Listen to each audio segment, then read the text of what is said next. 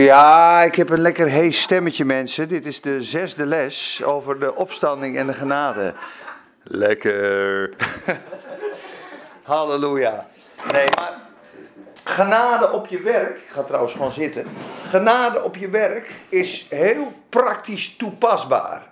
En als je dus de gave van gerechtigheid hebt, die geeft God voor een reden. Hij heeft ons gezegend met die gave dat je recht voor hem staat, dat je een relatie met hem kan hebben, dat je op kan groeien als zoon en dochter. De Bijbel noemt dat zelfs priesters en koningen. En ik moest vandaag, of gisteren hoorde ik dat volgens mij iemand zeggen, ja, toen dacht ik, ja, je kunt wel een koning zijn voor je gezin, je regeert, je hebt het financieel voor elkaar. Maar ook een priester zijn voor je gezin, zorgen, bidden voor je kinderen. Hun kunnen niet bidden. Hun het moeilijk, 12 jaar. Bid voor je kinderen, zegen je kinderen, bedien ze als een priester. Dacht ik, ja, dat ben vaak druk met een hoop dingen. Dus wees ook een priester en een koning. Maar God wil ons natuurlijk ergens naartoe brengen. En hij wil dat Jezus in je, die is ingekomen wonen, het voor het zeggen krijgt. En dat wij met hem en door hem leven. Opdat we vruchten voor God voortbrengen. En dat we het karakter van Jezus gaan weerspiegelen tot volle bloei, tot volle wasdom wil God eigenlijk dat we komen. Dat we een duplicaat zijn van de afspiegeling van Gods heerlijkheid. zoals Jezus een beelddrager is van Gods heerlijkheid, dat zei hij, wie mij gezien heeft, heeft de Vader gezien. En hij was zo vrijmoedig om te zeggen, wie van jullie overtuigt mij van zonde? Zegt u ook nog in Johannes. Wie van jullie overtuigt mij van zonde? Met andere woorden, ik wandel zo in het licht. Ik ben zo één met mijn vader. En dan zeg je, toon ons de Vader, zegt uh, Thomas. Of Filippus, wie zegt dat? Thomas, hè? Filippus. Filippus. Filippus zegt dat volgens mij. En dan zegt hij, jongens, ik ben al zo lang bij jullie. En waarom zeggen jullie dan, toon mij de Vader? Wie mij gezien heeft, heeft de Vader gezien. En dus een weerspiegeling zijn van God is het doel van Jezus. En wij moeten een weerspiegeling worden van Jezus in ons karakter in ons doen en laten. En het, mooi, het mooiste is die nieuw geboren mens. Dan komen we bij het stuk van Theo. Dat we samen met Jezus opgewekt zijn. Wat is het? Gaat het te snel? Nee, ik hoef mijn naam niet steeds te doen. Oh. Is goed, Jaap.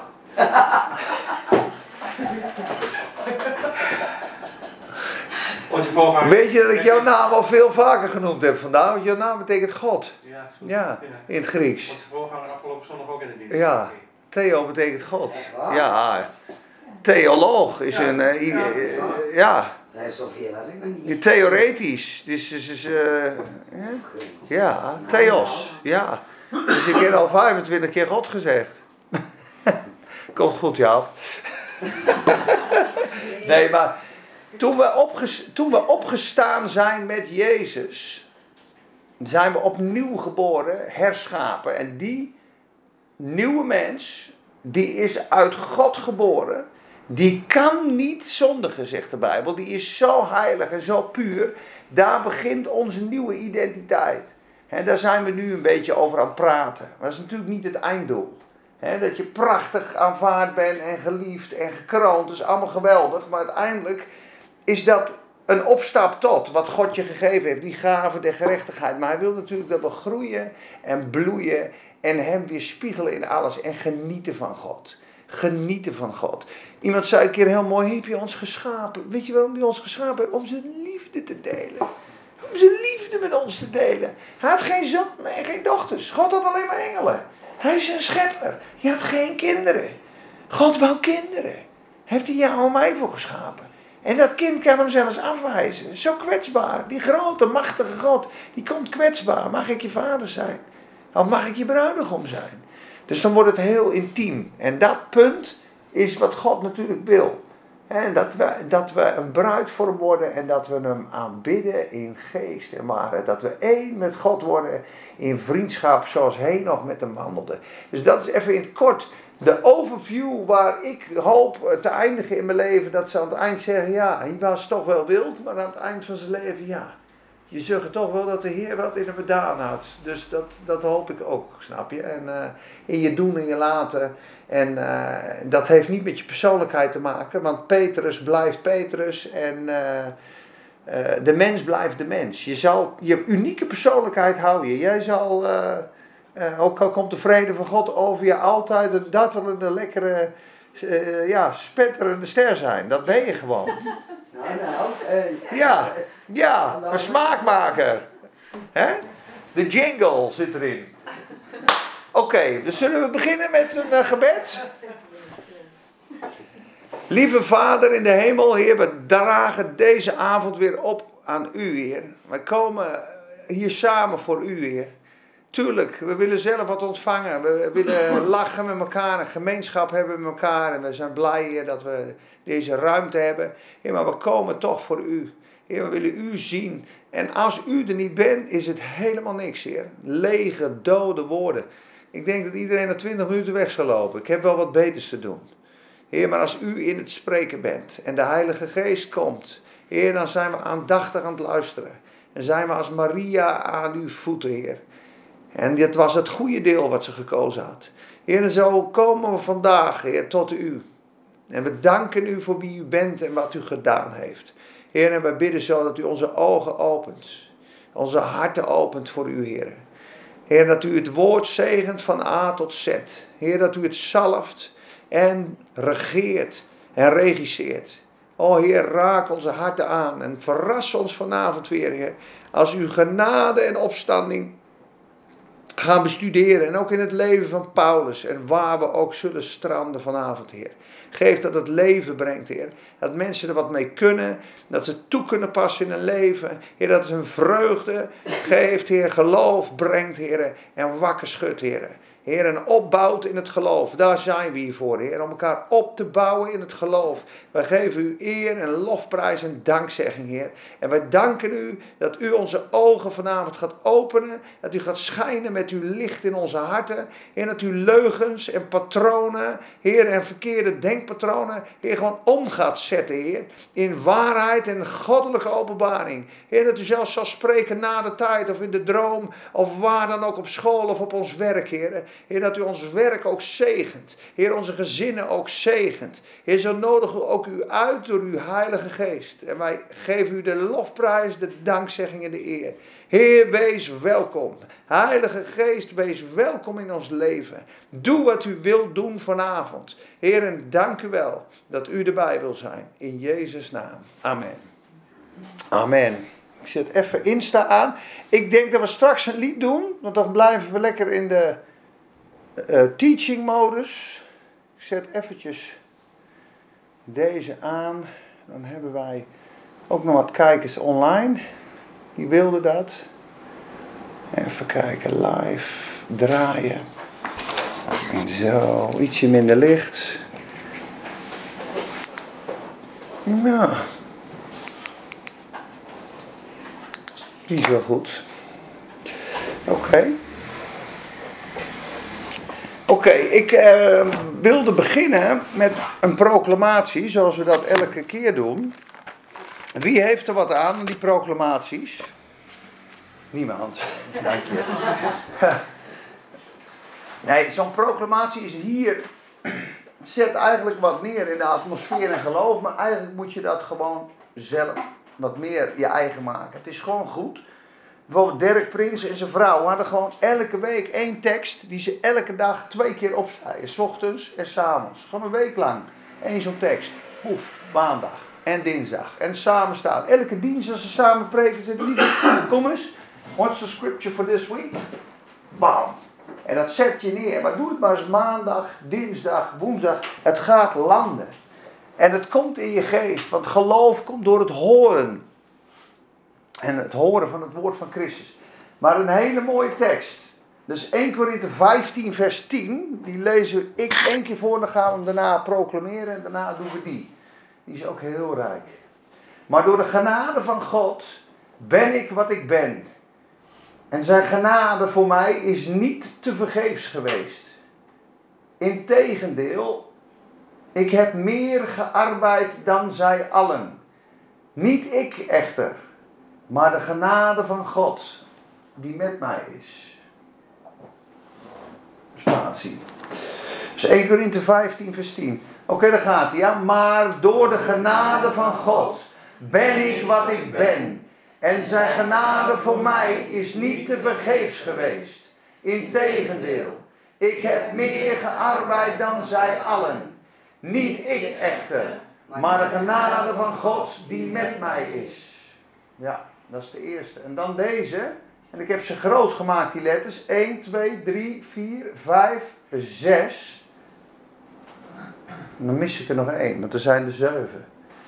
God is bij alle genade in u te doen overvloedig zijn, zodat u in alles, te alle tijden, van alle genoegzaamheid, tot elk goed werk overvloedig in staat zou zijn. Is er ook nog. Er zijn zeven grote zegeningen in één vers. 2 Korinthe 9 vers 8. Dat is echt een heel rijk vers. Ik zal hem even opzoeken.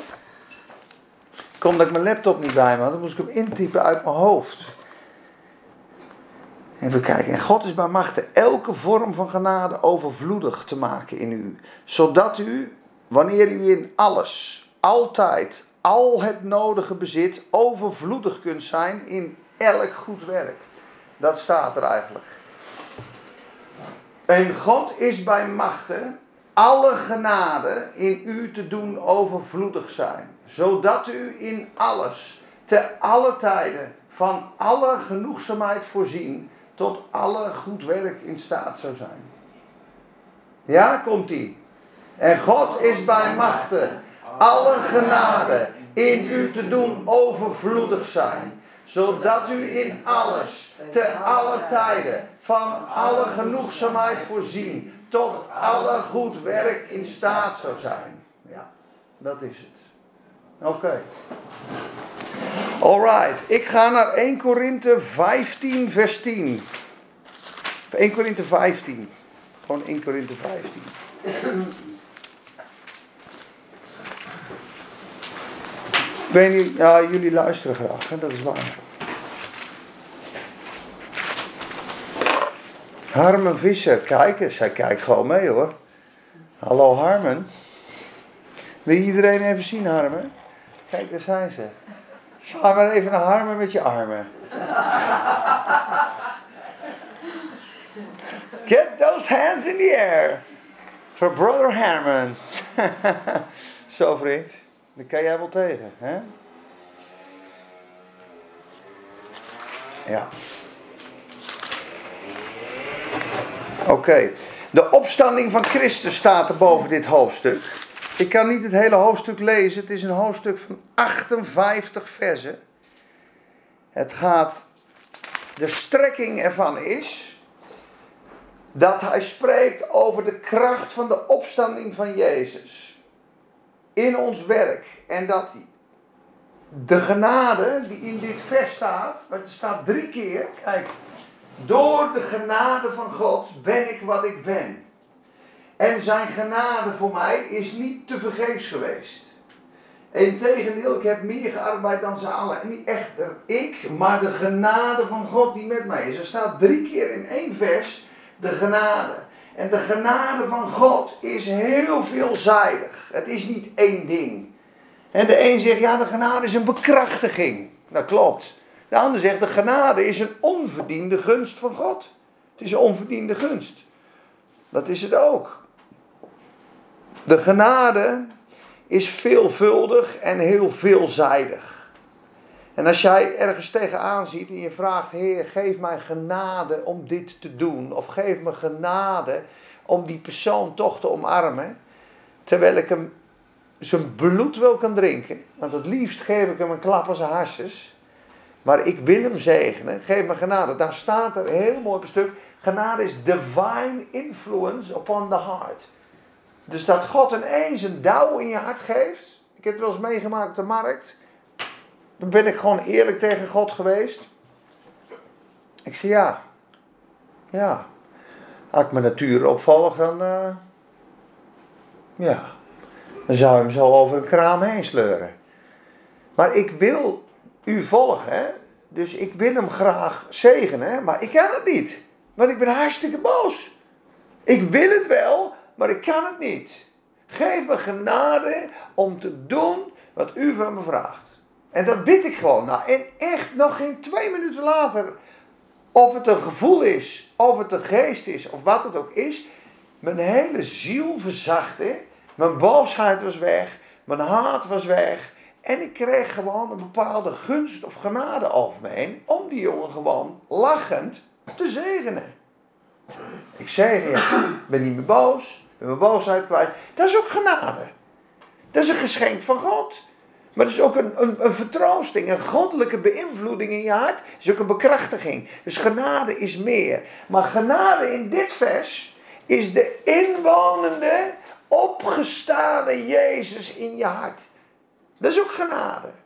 De opgewekte, opgestane Jezus die woont in jouw hart. Dat is jouw krachtmotor, dat is jouw liefde, dat is jouw bron, dat is zelfs je zekerheid en je identiteit. Je bent als Christus geworden. Gaat goed? Top. Door de genade van God ben ik wat ik ben. Identiteit. Ik ben wat ik ben door de genade van God. En zijn genade voor mij is niet te vergeefs geweest. Jezus woont niet te vergeefs in me. Integendeel, ik heb meer gearbeid dan zij allen. Wat heeft Paulus allemaal gedaan? Hij durft vrijmoedig te zeggen: Ik heb meer gearbeid dan alle apostelen van alle tijden. 25 vierkante kilometer zonder internet, te voet, te boot, te paard. Het hij drie keer rondgereisd, heel Azië, Griekenland, die brieven die hij geschreven heeft. Hij heeft zoveel gearbeid, maar niet ik, zegt hij, maar de genade van God die met mij is. Jezus Christus die in mij is. The grace of God that was with me. Dus dat is Jezus zelf. Genade is Jezus zelf in al zijn facetten. Dat is mooi toch? Niet God. Jezus is ook God. Het is nog rijker als je het zo wil zeggen. Genade, weet je, weet je het echt heel, maar dan wordt het heel complex. Wil genade, zeggen ze, is de drie-enige God die door een bijzonder proces gegaan is en in je hart is komen wonen. Klopt. De Vader, de Zoon en de Geest. Die tot volle bloei en leven in jou zijn. Die eigenlijk een, nou ja, ik, ik, noem het maar even een winkelcentrum waar je van eet en drinkt en leeft. Dus die alles voor jou geworden is. Dat is de genade van God. God is alles voor ons. Die is onze wijsheid, onze kracht, ons geduld, onze liefde, onze creativiteit, onze zachtmoedigheid, onze humor, onze alles is die. is ons leven. Dus als dat leven in ons openbaar wordt en Jezus krijgt het voor het zeggen, dan moet er één iemand aan de kant. En dat zijn wij. En dat punt kan je alleen maar bereiken als je zoveel liefde van God ontvangen hebt, als je zoveel vertrouwen in God hebt, dat je hem vertrouwt met je leven. Want wie durft echt alles los te laten, jongens, van ons, als we heel eerlijk zijn. Heer, hier ben ik. Kom me zegenen. Heer, ik heb een moeilijk gesprek op mijn werk. Wees erbij. Ja, er zit wel een voordeeltje voor mezelf in. Ja, daar kan de Heer er wel bij zijn. Heer, ik heb een moeilijke beslissing, tuurlijk. Maar in de kleine dingen, doe ik zelf. Dat levert niks op, basis. Snap je? Wat ons iets kost, dan, moeten we, dan, dan is de Heer vaak niet welkom, snap je? En wat zijn plaats moet zijn, is dat Hij het voor het zeggen krijgt in jou en mijn leven. In alles. En dat heeft hij bij Peter Duis nodig. En dan moet hij een werk, een levenslang werk in doen. En in jou, en in jou, en in jou. En hoe meer wij loslaten van onszelf, hoe meer zegen, hoe meer leven, hoe meer vrucht hoe meer kracht er vrijkomt. Wij denken heel vaak andersom, maar de kracht van God komt openbaar in zwakheid. Zodra je zegt, Heer, ik weet het niet, doet u het maar in mij. Ook nu met lesgeven, als je maar denkt dat je het kan, er stroomt niks. De krachtigste lessen die je geeft, is als je het zelf niet weet en God door je heen stroomt. En dat is ook genade. Dus daar ben ik ook dankbaar voor. Oké, maar dit hoofdstuk is dus een hoofdstuk van de opstanding.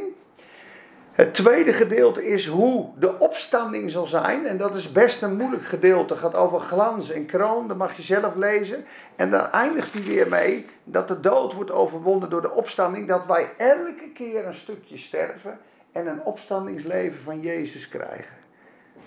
Dus we zijn met Jezus gestorven We zijn opnieuw geboren in onze geest, ja. En in het dagelijks leven kom je een situatie tegen, kom je aan het einde van jezelf met dingen, want God stretcht je. En daar is het einde van Elise en het einde van Peter. Ja, je geduld is op. Nou, dan wordt Jezus je geduld. Dan wordt Jezus steeds groter en sterker in ons. En zo groeit de Heer Jezus in ons. Dan zegt de Bijbel ook, als pasgeboren baby's ontvangt de, de onvervalste melk van het woord, dat je daardoor mag groeien. Dus je bent een wedergeboren baby, die gaat lekker groeien tot een volwassen vrouw die staat voor God. Dat is gewoon het doel van het hele hoofdstuk. En dat wil hij laten zien. En we doen alleen de eerste tien versen. Anders wordt het te veel. De opstanding van Christus.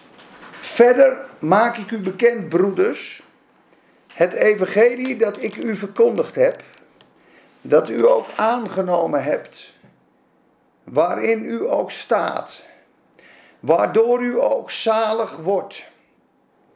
Als u eraan vasthoudt, zoals ik het u verkondigd heb, tenzij dat u dan te vergeefs geloofd hebt. Want ik heb u ten eerste overgeleverd wat ik ook ontvangen heb. Dat Christus gestorven is voor onze zonde, overeenkomstig de schriften. Dat hij begraven is en opgewekt is op de derde dag, overeenkomstig de schriften. En hij is verschenen aan Kefas, dat is Petrus, daarna aan de twaalf. Dat is een bewijs van zijn opstanding. Daarna zijn verschenen aan meer dan 500 broeders tegelijk van wie de meesten nu nog in leven zijn, maar sommigen zijn ook ontslapen, gestorven. Ontslapen betekent dat ze weer wakker worden straks in Jezus. Daarna is hij verschenen aan Jacobus, daarna aan alle apostelen. En als laatste van allen is hij ook aan mij verschenen, als aan de ontijdig geborene. Ik ben immers de minste van de apostelen, die niet waard ben een apostel genoemd te worden omdat ik de gemeente van God vervolgd heb. Maar door de genade van God ben ik wat ik ben. En zijn genade voor mij is niet te vergeefs geweest. Integendeel, ik heb mij meer ingespannen dan zij allen. Niet ik echter, maar de genade van God die met mij is. Dat hebben we net geproclameerd, hè?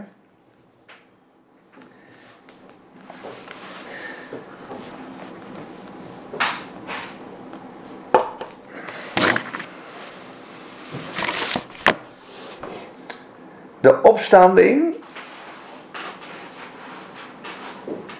is het bewijs en de kracht dat onze zonden vergeven zijn en dat we gerechtvaardigd zijn voor God. Dat hebben we vorige keer behandeld. Er staat ook in Romeinen 4, die overgeleverd is voor onze zonde, die opgewekt is voor onze rechtvaardigmaking. Ja?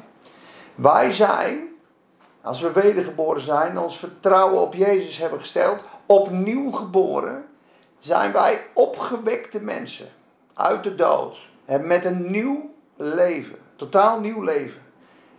Zo zitten we hier. Dus we zijn opgewekt uit de dood. En wat is het volgende? De genade stroomt op iemand die rechtvaardig verklaard is door God. Alle volle genade die we nodig hebben. Genade om lief te hebben, genade om te delen. Nou, wat je hier ziet in hoofdstuk 15 is dat op een gegeven moment de Corinthiërs zijn gaan geloven dat er geen opstanding uit de doden was. Dus hun geloof begon te wankelen, hun zondebesef begon weer te wankelen. En Paulus gaat het op een gegeven moment verdedigen. Hij gaat op een gegeven moment verdedigen en ehm, bekrachtigen de opstanding van Jezus. Ik lees een paar kleine versen om het even uit te diepen. En dan gaan we verder op de opstanding. En daarna wil ik nog wat zeggen over de vorige lessen. Daarna een klein stukje van Maria en Martha. Want we hadden begonnen net met Maria en Martha. Martha was keihard aan dienen. En Maria zat aan de voeten van Jezus. En Martha zei, Heer, Doet het je niks? Ik ben keihard aan het werk. En zij zit daar maar. Maar de Heer zegt, maar Maria heeft het goede deel uitgekozen. Zij zit aan mijn voeten. Maar ik ga je straks laten zien, een hoofdstukje verder. Jezus gestorven en weer opgestaan. Lazarus is ook opgewekt. Dus dan komen ze naar een nieuwe standaard. Jezus is opgewekt, Lazarus is opgewekt. En Martha is weer aan het dienen. En dan zegt Jezus niks. Dus wat Jezus eigenlijk wil laten zien, is als we in eigen kracht zijn en we dienen de Heer, je als een Martha, dan zegt hij nee, nee, nee, nee, nee. Ga eerst zitten aan mijn voeten. Maar zodra we in opstanding zijn, in onze nieuwe mens, in onze nieuwe kracht, is helemaal geen probleem dat we dienen. Want dan doet Hij het door ons heen. En dan gaat het verschil plaatsvinden tussen een doodwerk, iemand die zijn uiterste best doet voor God, en iemand die zoveel werk verricht en het uiteindelijk allemaal door zich heen heeft laten zien door Jezus. Dus op je werk, waar je ook bent, maximaal impact maak je door te rusten. En Jezus aan het werk te laten. In plaats van streven, zwoegen, rennen, vliegen, haasten. Dus de kracht van de genade is. Ja, eigenlijk ontvangen en geloven en zien op Jezus. Dat is eigenlijk de kracht van de genade. En dat is wat we willen koppelen aan het gedeelte. Even kijken waar ik naartoe ga. Ik wil even die versen lezen in 1 Korinthe 15. Waarom? Omdat de opstanding. Hoe moet ik dat goed zeggen? De opstanding is de sleutel en de kern van het hele evangelie. Zonder Jezus' opstanding is het hele evangelie een sprookje. Als Jezus niet is opgewekt, zijn zelfs de mensen die in Christus gestorven zijn verloren, zegt hij. Let maar eens op. Hij gaat verder in vers 12. Als nu van Christus gepredikt wordt dat hij uit de doden is opgewekt, hoe kunnen sommigen onder u dan zeggen dat er geen opstanding van de doden is. Er was dus een leugen gekomen in de, in de Corinthische kerk. Er is geen opstanding uit de doden. De Sadduceeën leerden dat bijvoorbeeld ook. Als er geen opstanding van de doden is, zegt Paulus, dan is Christus dus ook niet opgewekt. Als jullie dat zeggen. Dat betekent dat Jezus niet is opgewekt als er geen opstanding van de doden is. En als Jezus niet is opgewekt, dan is onze prediking zonder inhoud. Dus de prediking krijgt inhoud door de opstanding. Daarom lees maar in het boek Handelingen de eerste elf hoofdstukken. En de apostelen gaven grote getuigenis van de opstanding van de Heer Jezus Christus. En zodra de opstanding gepreekt werd, werd de graf doorbrekende, zonde doorbrekende, duivel uitwerpende kracht vrijgezet. Daarom is Pasen niet het feest van het kruis, maar van de opstanding. Dat de Satan is overwonnen, dat de dood is overwonnen, dat de zonde is overwonnen. Als Christus niet is opgewekt, bent u nog in uw zonde. Straks gaan ze een stukje in handelingen lezen. Ze gaven met grote kracht getuigenis van de opstanding van de Heer Jezus. En ze zeiden zelfs vroeger moest je een apostel zijn. Je kon pas apostel als je werkelijk met Jezus geleefd en gegeten had. Want dat waren de mensen die hem kenden voordat hij stierf. Dus Petrus en al die discipelen zeiden, wij kenden Wij hebben met hem gegeten en gedronken voordat hij gekruisigd is. Op de, op de weg van Emmaus waren ze zo ontzettend down. Wat was er? Hij was dood. Je zou toch een nieuw koninkrijk maken? En dan komt er een derde man bij. Waarom ben jullie gezichten zo? Ja, dit en dat en zus. En toen begon hij vanuit de schriften, vanuit het Oude Testament, de dingen te leren aangaande hemzelf. En hij onderwees hen uit de psalmen en uit de profeten en uit de wet dingen aangaande zichzelf. En toen het avond geworden was, wilde hij doorlopen. Toen zei ze, jongen, ga je heen, kom eten. En toen tijdens het breken van het brood werden hun ogen geopend. En toen zeiden ze, was ons hart niet brandende? tijdens de weg. Toen zegt hij, gij traag en onverstandige van hart en ongelovige.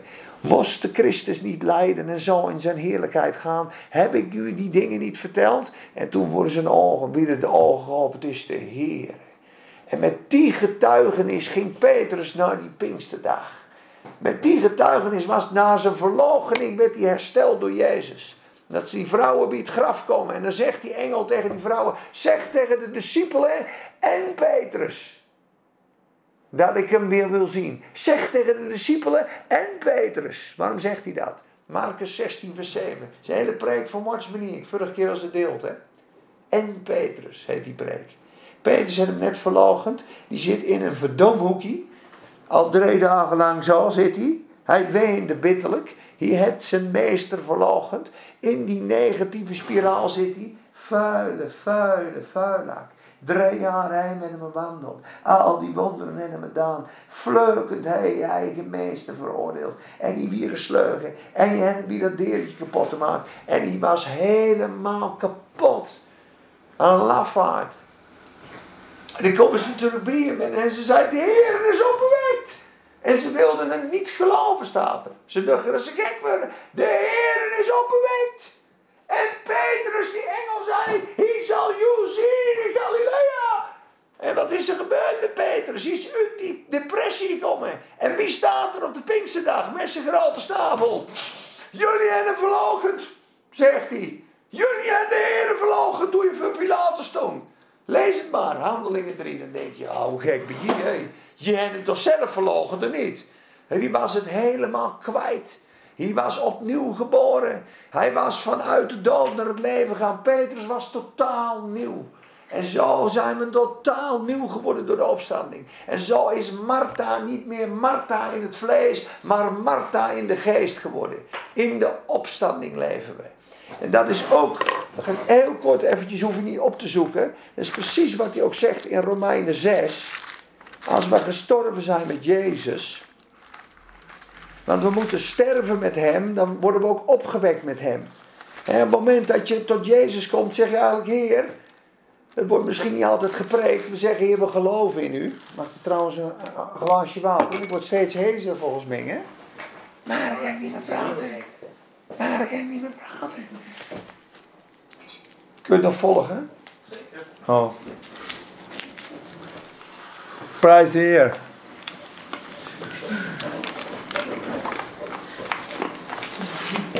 Kijk, wat het gewoon is, als het evangelie zuiver gepreekt wordt, betekent een bekering eigenlijk dat je zegt, Heer, ik verdien om beëindigd te worden.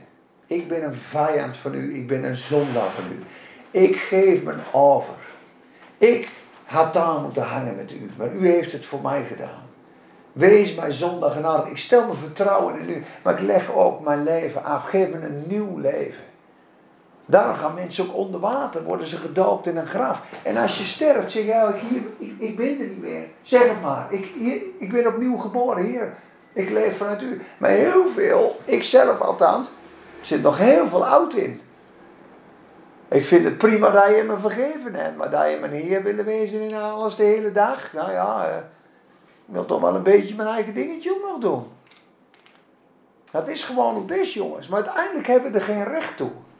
Dan zegt Paulus, het is uw redelijke eredienst dat je je lichaam stelt als een heilig, welgevallig offer door zijn barmhartigheid. Dit is je redelijke eredienst. Hij gaf alles voor jou. Heer, hier ben ik. Ik heb, ik heb eigenlijk geen recht van bestaan.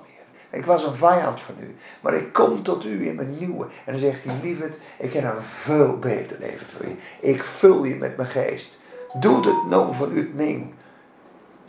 Zeg Arie ook zo mooi. De Heer vraagt alleen Peter, mag ik voor jou zorgen? Je wil voor je eigen zorgen. Ik zorg voor mijn eigen. Ik kom wel aan me trekken. Mijn passiertjes en mijn dingetjes. Met dat. Prijs de Heer. Snap je? Maar het echte leven, en dat jongens, het geldt voor net zoveel. Als je je overgeeft aan God, ervaar je het meeste leven. Dirk Prins zei het al, en daar ging hij vroeger omheen. Doctrinaal had hij een weg gevonden. Want er staat, neemt uw kruis op en volg mij. Dat staat er, hè? dat zegt Jezus toch? Neem dan uw kruis op en volg mij. Nou, het kruis, zegt hij, is de plaats waar jouw wil en Gods wil kruisen. Ik wil naar links en God wil naar rechts. Dan is hier het punt dat het kruis komt. Hier zeg jij, ja, ik heb geen recht, Heer, het is uw weg, sorry. We gaan uw weg. Ik weet dat ik wil naar rechts, maar u wil. Nee, het is uw weg. Heer, we gaan uw weg doen. Ik ga vergeven. Ik ga zegenen. Ik ga vandaag uw weg volgen. Fantastisch, dan ervaar je hier het leven. En dat had hij op een gegeven moment wekelijks en maandelijks een beetje toegepast. Dus ja, neem uw kruis op en volg mij. Totdat hij bij Lucas kwam. Daar staat, neem dan dagelijks uw kruis op en volg mij. Nou, dat vond hij niet zo leuk. Neem dan dagelijks uw kruis op en volg mij. Blikschade heeft dan helemaal niks meer in de melk te brokkelen. Maar wat gebeurt er als je je leven geeft? Als je elke dag dat het je leven in het graf praat en je zijn kruis aanvaardt, is een dag van overwinning, een dag van zegen en een dag van blijdschap. En elke dag dat je dat verzaken, ben je in eigen kracht, is de Satan aan alle kanten je aan het verstoren en kan je niet tot volle bloei en vrucht dragen. Hoe religieus je show ook is. Geef me niet helemaal over, maar ik wil wel Bijbel lezen en een beetje, beetje mooi doen zo hier. Maar hier is de prijs die betaald moet worden. En de kracht van de opstanding is te vinden in het graf. En het is niet met een joystick, we programmeren hem even hier hij opstandingskracht. Hij komt vrij zodra jij stopt met ik wil, ik denk, ik voel. Heer, hier ben ik. Ik ben helemaal niks. Ik heb er geen zin in. Ik wil het ook niet. Net als Jezus, die wou het ook niet, jongens, in Gethsemane. Hij wou het helemaal niet. Als het mogelijk was, laat die drinkbeker alsjeblieft aan me voorbij gaan. Ik wil het niet. Maar niet mijn wil, maar uw wil geschieden. Dat, je dat kan zeggen, jongens, in je christelijke leven, dan ben je rijk, jongens hoor. Niet mijn wil, maar uw wil geschieden. Als je dat uitvoert in je leven, komt de kracht van de opstanding en de zegen vrij. En aan het eind van de dag, denk je, waarom doe ik dat niet elke dag? Zo'n dom dag ga ik. Getuigen bij de supermarkt. Zo'n fijne borrel. Zo'n heerlijk gesprek. Zo'n zegen, zo'n deurbraak. Het is toch geweldig, het leven met Jezus? En de volgende dag is het Heer. Ik doe het lekker vanzelf vandaag. Dat gebeurt vaak. En je mist de zegen. Dus het, is, het kost een prijs, jongens, om in de kracht van de opstanding te wandelen. Het kost een prijs. Dat moeten we allemaal betalen. En een prijs kost iets, jongens, echt. Maar wat is de zegen groot daarna? Want wat je opgeeft voor hem, ontvang je honderdvoudig terug in deze tijd. In deze tijd. Landen, vrouwen, broeders. Vrouwen? Staat dat er ook? Dat kan er nooit. Even op. Ik denk dat het heel erg Ik ga het even nakijken. Ik ga het even nakijken, jongens. Marcus, Marcus 10, vers 30. Er komen een dwaling in de buurt. Ja. Zijn. En Jezus antwoordde: Voorwaar, ik zeg u, er is niemand die huis, of broers, of zuster, of vader, of moeder, of vrouw, of kinderen, of akkers verlaten heeft. Omwille van mij en om het evangelie. Of hij ontvangt honderdvoudig, nu in deze tijd, huizen en broeders en zusters en moeders en kinderen. Vrouwen staat er niet meer bij. En akkers. Met de vervolgingen. En in de wereld die komt, het eeuwige leven. Nou, iemand zei hier heel mooi, weet je wat dit eigenlijk is? Hij zegt, dit is eigenlijk een beeld van de gemeente. Want akkers en huizen zou je nog wel honderdvoudig terug kunnen vangen, maar broeders en zusters niet. En hij zei, als je op het moment dat je tot Jezus komt, kom je in de gemeente en alles was uh, gemeenschappelijk. Dus wat hij en honderd broeders. Misschien ben je eigen vader en moeder, ben je, hen je verstoten omdat je Jezus ging volgen. En je vaders en moeders in de Heer terughaalt. En broers en zussen. Vind ik een mooie uitleg. Vind ik een mooie uitleg. Maar één vrouw blijft het, jongens. Geen honderd. Dat zou niet goed worden. Maar, luister, en dat is echt waar.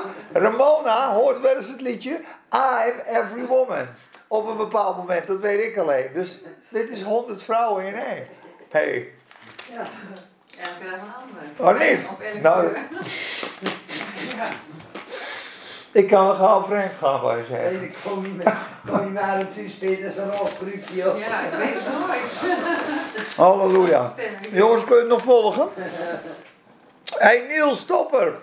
Bedankt dat je me geholpen hè, van de week. Nummer 10 was je. Ik dacht nummer 7, nummer 10. 10 mensen gebeld. Jongens, de opstanding. Let op. Romeinen 6, vers 12. Romeinen 6 is het hoofdstuk dat jij je identificeert met de dood van Christus.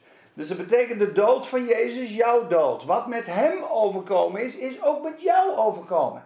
Kan Christus ooit nog veroordeeld worden? Koekoek, natuurlijk niet. Kan jij ooit nog veroordeeld worden? Nee. Als jij met Christus gekruisigd bent, ja, dan ben jij gestraft. Christus is gestraft voor de zonde, jij met hem. Dus God heeft al jouw zonden al bestraft in jou in Christus. Dus je bent al gestraft. Daarom staat er, wie gestorven is met Jezus, is rechtens vrij van de zonde. Die is vrijgesproken van de zonde. Ik heb er eens een film gehuurd vroeger, in een bibliotheek. En dan bad ik, dat heb ik twee keer maar gedaan, van de duizend keer dat ik een film gehuurd heb, over overgave gesproken. Dan liep ik in die videotheek, normaal ben je heel religieus, dat is dat is de pakbare film. Maar ik bad gewoon die avond. Heer, is er een film die u goedkeurt of die ons wat leert of die, ja, hè, een mooi filmpje voor me. Hè? Ik ken, het echt te benen. De eerste film, ga kan ik erop, hè. Ga kan ik erop hier, maar goed, dat maakt niet uit. De eerste film die ik kreeg was Flight Plan. Van, uh, hoe heet ze nou? Ja, uh, Jodie Foster. Ja, en Flight Plan gaat erover dat het hele vliegtuig is tegen haar. En haar kind worden steunen. En iedereen zit in het complot. En dat kind, hè, dus, in die asem, heeft zijn hartje op het raam betekend. En op een gegeven moment, dokters te bieden, mevrouw, u laat, lijkt al waanzin, u heeft geen kind. En dat kind is dus ontvoerd in zo'n stewardess dingetje, leg onder in het vliegtuig en ze zeggen, ja, zet een tukje dan voor twee uur, mijn kind is weg. En iedereen maakt u gek. Dus nee, is niet waar. Je bent een dokter, je bent een dokter. Nee, je bent, kijk maar hier al. Je bent alleen aan boord gegaan. Dus het is, de hele wereld is tegen haar. En ze moet vasthouden aan de waarheid. En voor mij was dat, kijk, dit is, dit is net of je het geloof moet vasthouden. Jezus, kijk, je bent gek, dit en dat. En op een gegeven moment ademt ze dus uit in die angst. En dan komt dat hartje boven op dat raam. En ineens denkt ze, zie je, dat kind dit is allemaal een leugen. En dan ontsnapt ze dat vliegtuig. Maar ze moet dus dwars door alle leugens zijn. En de tweede film die ik zag was Double Jeopardy. Dat is een maand later. En daar ging het dus over. Je kunt niet twee keer veroordeeld worden voor dezelfde misdaad. Dus er is een vrouw die is vermoord door een seriemoordenaar, maar die overleeft het. Ja? En op een gegeven moment is zij gestraft. Hoe moet ik, moet ik het even goed uitleggen? Wacht even. Zij heeft. Even kijken. Ze heeft levenslang gehad. Oh ja, en hier zou dood wezen. Oh ja, dat is het. Die, er is een man die verkracht haar vriendin. En ze ziet hem dood. Maar die is dus niet dood. Hier overleeft het. Maar ze heeft levenslange haat voor hem. En op een gegeven moment, of ze het 40 jaar had. En ze komt op een gegeven moment uit de gevangenis. En het blijkt dat hij nog leeft. Die, die, die dader, weet je wel. En die lacht en die doet en die doet. En dan komt ze erachter. Er is een law of double jeopardy. Dat zegt iemand tegen je kunt hem doodmaken. Want je bent alles straft voor die misdaad. Je, ze kunnen je nooit niks meer maken. En dan komt ze dus op een gegeven moment in die film achter. Double jeopardy. En dan heeft ze weer een hoekje en dan zegt hij, wat ga je doen? Je gaat voor eeuwig de gevangenis in. Nee, want ik ben al gestraft voor jou dat. Boom. Dus dat was voor mij weer zo'n geloofsles. Je kunt niet tweemaal gestraft worden voor dezelfde zonde. En dat is in Christus dus ook zo. Als God alle zonden op Christus heeft gelegd. Alle zonden van jou en van jou op Christus hebt gelegd. En die heeft ze ten volle bestraft met zijn toorn. Is het zondeprobleem opgelost. Dat betekent dat de zonde nu aangerekend wordt aan een dood persoon die al gestraft is. Daarom zegt dat Romeinen 6 zo mooi: wie gestorven is, is rechtens vrij van de zonde. Dat is een bovennatuurlijk iets. Dat is apart, hè? Kun je maar aanzondigen. Hè? Ja, lekker makkelijk. Maar het wonder gebeurt. Let op, als wij nu met Christus gestorven zijn, geloven wij ook dat wij met Hem zullen leven. Wij weten toch dat Christus nu is opgewekt uit de doden, nooit meer sterft. De dood heerst niet meer over Hem. Want wat zijn sterven betreft, is Hij voor eens en voor altijd voor de zonde gestorven. Goed onthouden, voor eens en voor altijd voor de zonde gestorven. Wat zijn leven betreft, leeft hij voor God. Dan komt vers 11. Zo dient u ook uzelf te rekenen. Zie je dat? Jezus is eenmaal gestorven voor de zonde. Eens en voor altijd. De dood heerst niet meer over hem. Ja, hij leeft voor God. Zo dient u ook uzelf te rekenen. Dood voor de zonde, maar levend voor God in Christus Jezus onze Heer. Dan zegt hij, laat dan de zonde die in uw lichaam woont niet meer heersen. Ja, en nu komt vers 13. Kijk, en stel uw ledenen niet ter beschikking aan de zonde als wapens van ongerechtigheid, maar stel uzelf ter beschikking aan God als mensen die uit de doden weer levend geworden zijn. Zie je dat? Dat dat een hele andere overgave is. Dus een, religieus iemand probeert zich over te geven aan God en het lukt hem niet, want heel veel van zijn natuurlijke leven regeert hem nog. De zondemacht heeft hem eigenlijk in zijn dwang. die Romeinen 7, ik wil eigenlijk het goede doen, maar kan het niet. Ik wil zo graag God dienen, maar het lukt me niet. De kracht van de zonde beheerst hem. Ja? Maar dit is iemand die is gestorven met Jezus. En die stelt zijn leden vanuit overgave aan God als iemand die dood was, maar opnieuw is gaan leven. Zie je die overgang? Dat zonder een dood er geen overwinning is. Dan wordt het religie.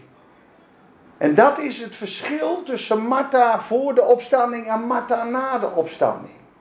Dus wij moeten, om de zonde te overwinnen, gewoon sterven. Gewoon loslaten. Niet gaan vechten tegen die zonde. Gewoon zeggen, Heer, ik kan het niet. U heeft het in mij gedaan. Ik leg het af. Doe het u het maar in mij. En dan komt de kracht van de Heilige Geest je helpen. Kan, maakt dit, does this make sense? Kan ik een amen horen? Amen. Oké, oké. Dus, vers 13. Stel uw leden niet ter beschikking aan de zonde als wapens van ongerechtigheid maar stel uzelf ter beschikking aan God als mensen die uit de dood levend zijn geworden. Zeg het maar eens. Ik ben uit de dood levend geworden. Ik ben een nieuwe schepping. Ik ben een nieuwe schepping. Zeg het maar. Ik ben een nieuwe schepping. Ik ben een nieuwe schepping. Je bent een nieuwe schepping. Amen. Oké. We waren in 1 Korinthe 15 volgens mij. We hadden het over de kracht van de opstanding in handelingen. Dat ze dat aan het preken waren. En dat Jezus zichzelf over moest geven in Gethsemane. En dat wij dagelijks ons kruis op, op, op, ons moeten nemen. Hoe moeilijk dat ook is. En dat de kracht van de opstanding dan vrijkomt. En dat wij mogen inzien dat onze zonden afgerekend zijn door Jezus. En dat we vrije mensen zijn. En dat ons de zonden niet meer aangerekend worden, jongens. Wordt ons niet meer aangerekend. We zijn de dood voor.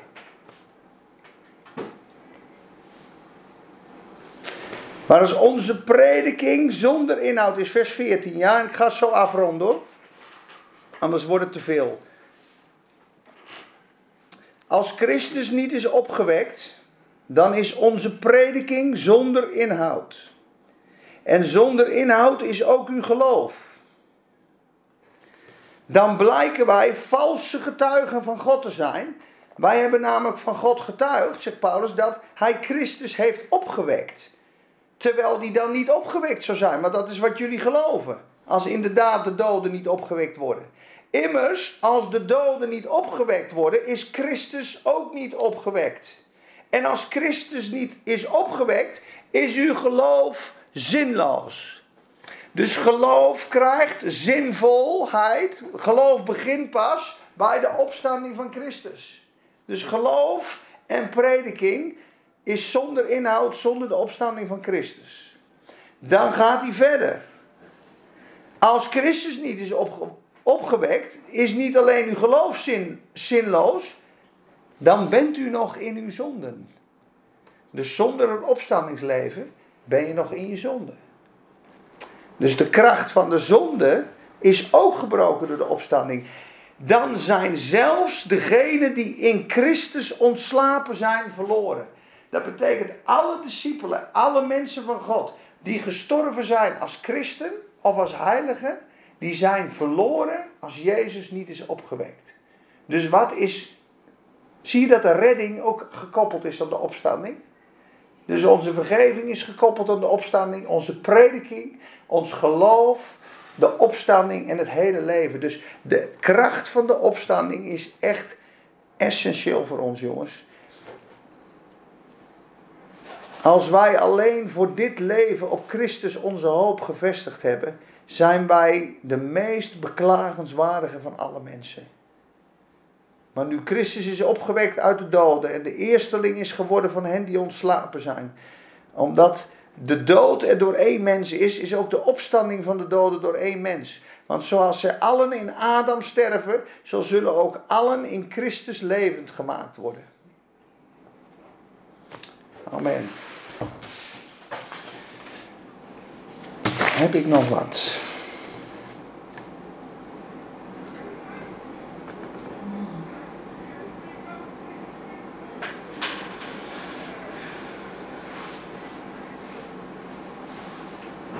Heb iemand nog een vraag?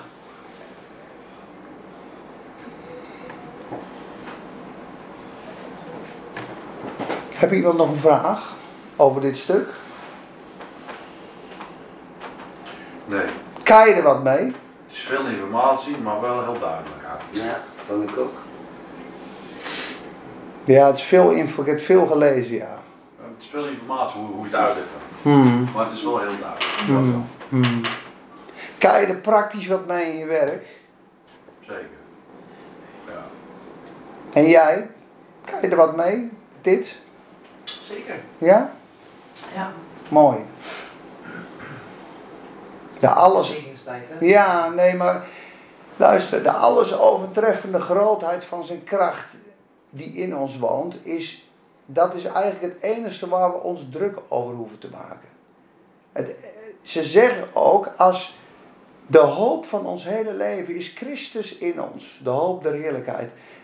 Als de Satan je af kan leiden van die simpele waarheid dat Jezus in jou is en dat Jezus het in jou en door jou heen doet, heeft hij al gewonnen. Want zodra Jezus het niet meer doet in je spreken, in je werken, in je doen en laten, ben je het zelf aan het doen. Ben je in eigen kracht. Dus het enige waar wij op moeten focussen, en dat maakt het wat simpeler, is Jezus is in mij. Jezus leven stroomt in mij. Zijn genade is overvloedig in mij. Dus de Vader, de Zoon en de Geest wonen in mij. Ik ben oneindig krachtig. Mijn gebed is oneindig verhoord. Mijn geloof is dat ik heb alles wat nodig is om een geest vervuld, vruchtbaar, vriendelijk, liefdevol krachtig christen te zijn. Het is allemaal al gegeven. En het geloof maakt dat werkzaam. Dus wat ik mij en jou toebid, en daar eindigen we ook mee, is dat we leren om te dienen in de kracht van de opstanding. En dat is niet een streven, maar dat is een zitten aan de voeten van de Heer Jezus. Want Maria zag bij Jezus wat ze nodig had. Kwam aan het einde van haar eigen en een ieder die opgewekt is met hem, leeft door de kracht van de Heilige Geest. En dat is waar we het leven met Jezus kunnen vieren. En dat is eigenlijk wat ik wil, wat ik wou delen vandaag. Ik heb het niet helemaal uh, super helder, maar ik vond wel uh, dat we mooie dingen hebben aan kunnen stippen. Het is goed zo. Ja, ik vind het goed zo. Amen. Amen. Amen. Oké.